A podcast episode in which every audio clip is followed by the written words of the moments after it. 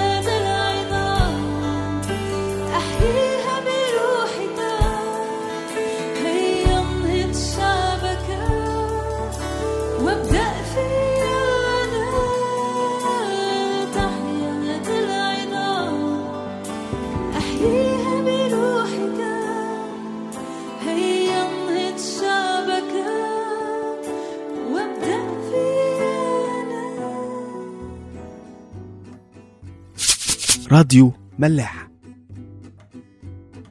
صباح الخير واهلا بيكم في حلقة جديدة من برنامج عميد.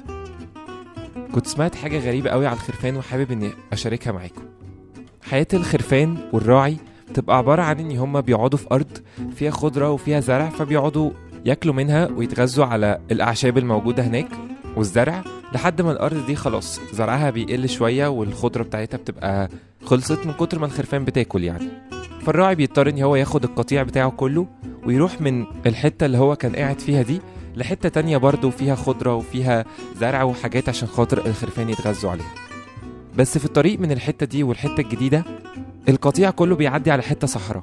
حتة كده ما فيهاش أي حاجة كويسة. صحراء. ما فيهاش ولا زرع ولا شرب ولا أي حاجة الخرفان تعرف تستفيد بيها.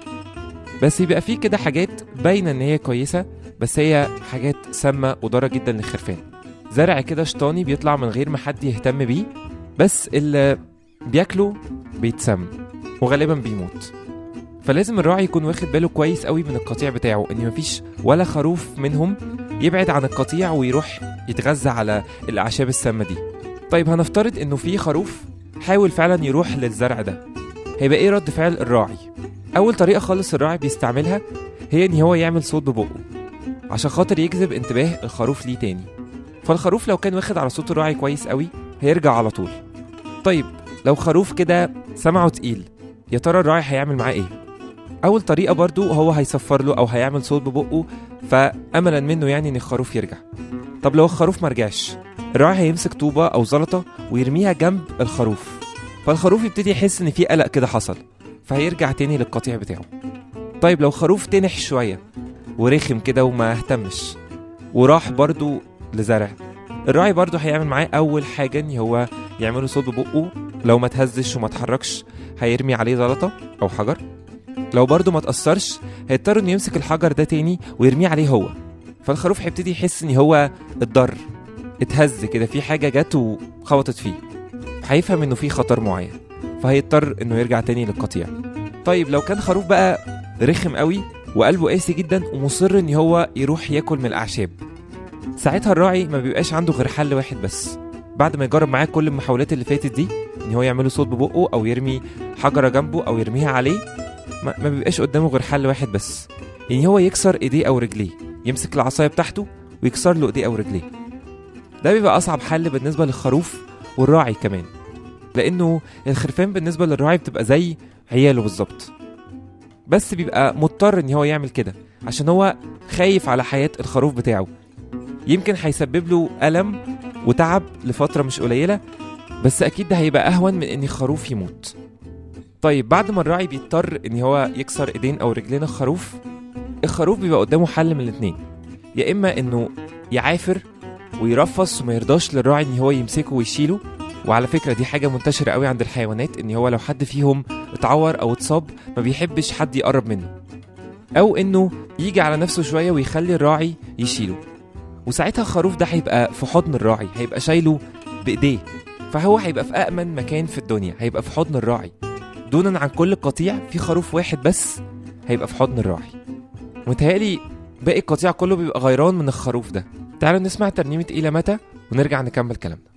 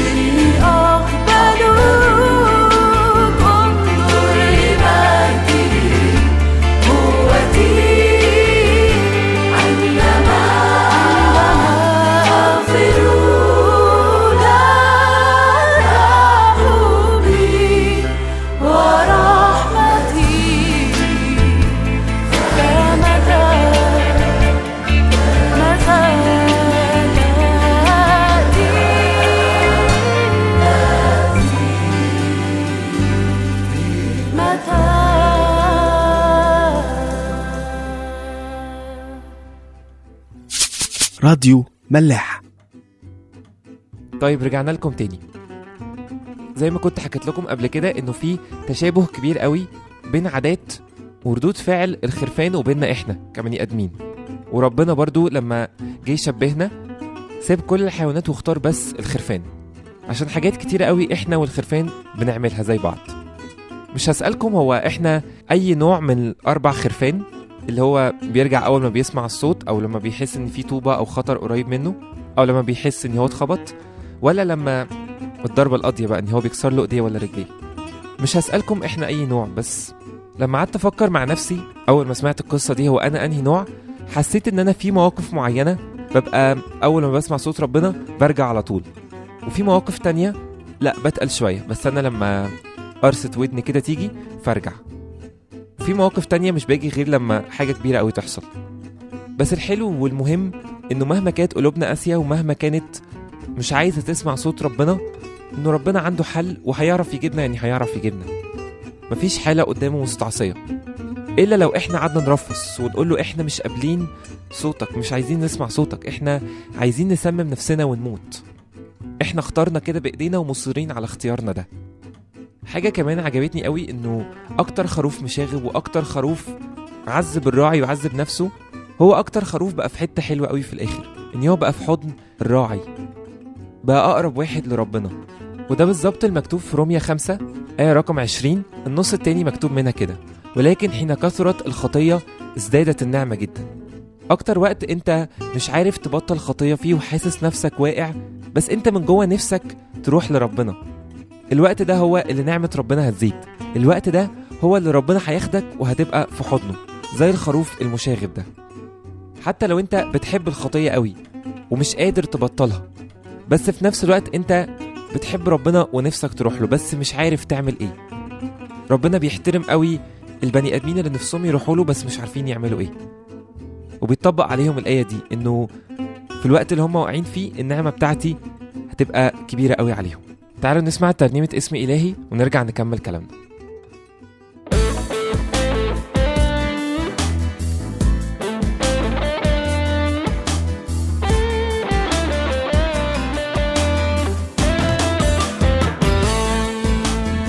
يسوع إلهي صخرتي ترسي خلاصي وقوتي هو سلامي وفرحتي يسوع. على كل شيء بيستطيع. من إيده ما في حد يضيع. بدل نفسه عن القطيع. يسوع يسوع يسوع. اسم إلهي برج حصين يجري إليه المؤمنين. هو الراحة للمتعبين يسوع يسوع يسوع.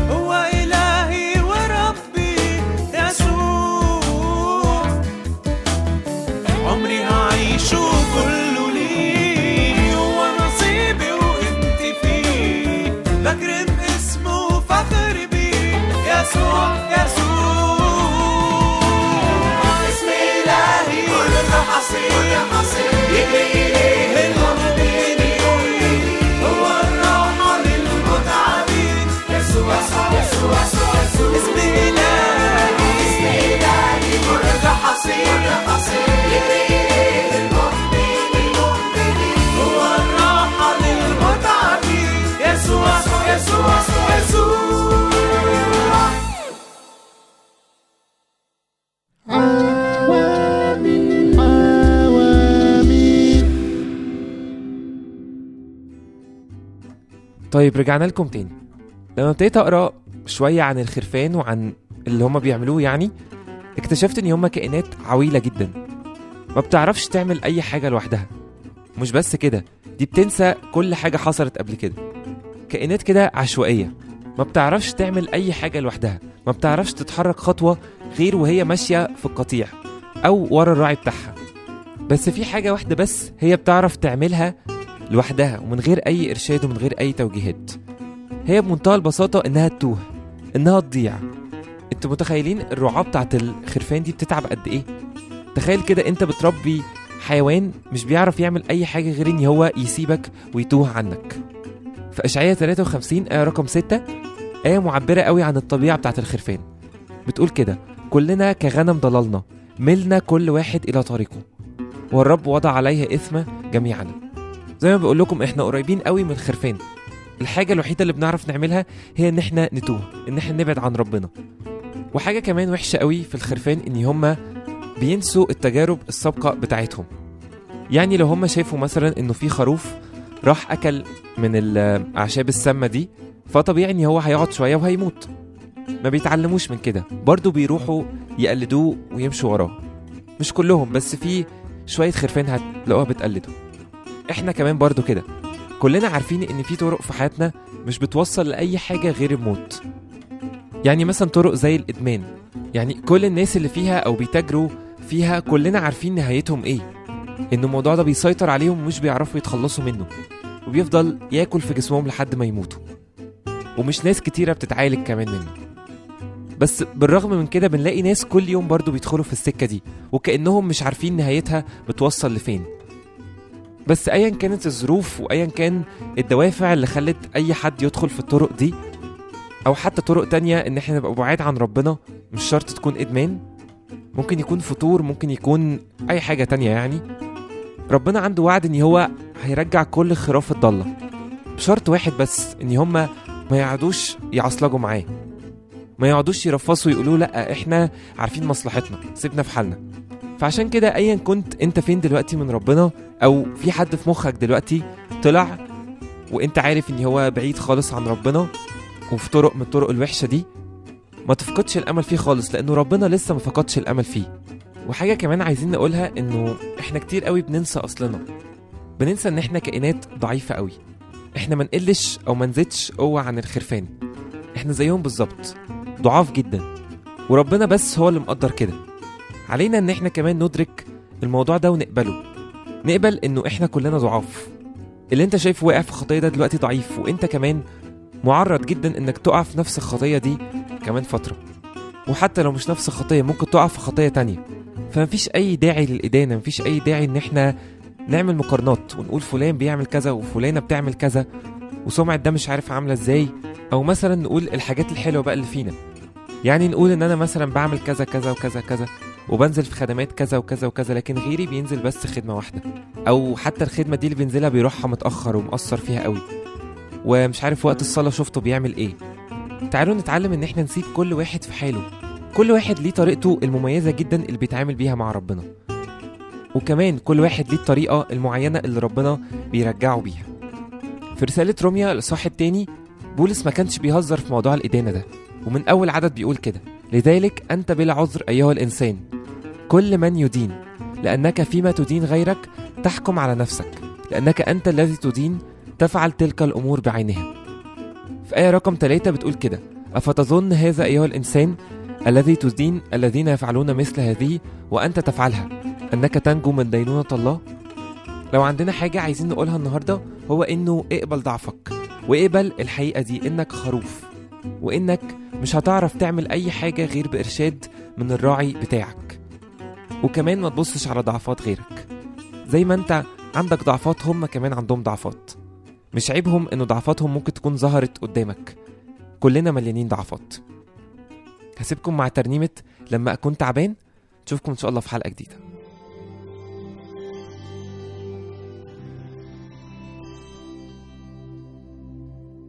لما أكون تعبان أروح لمين؟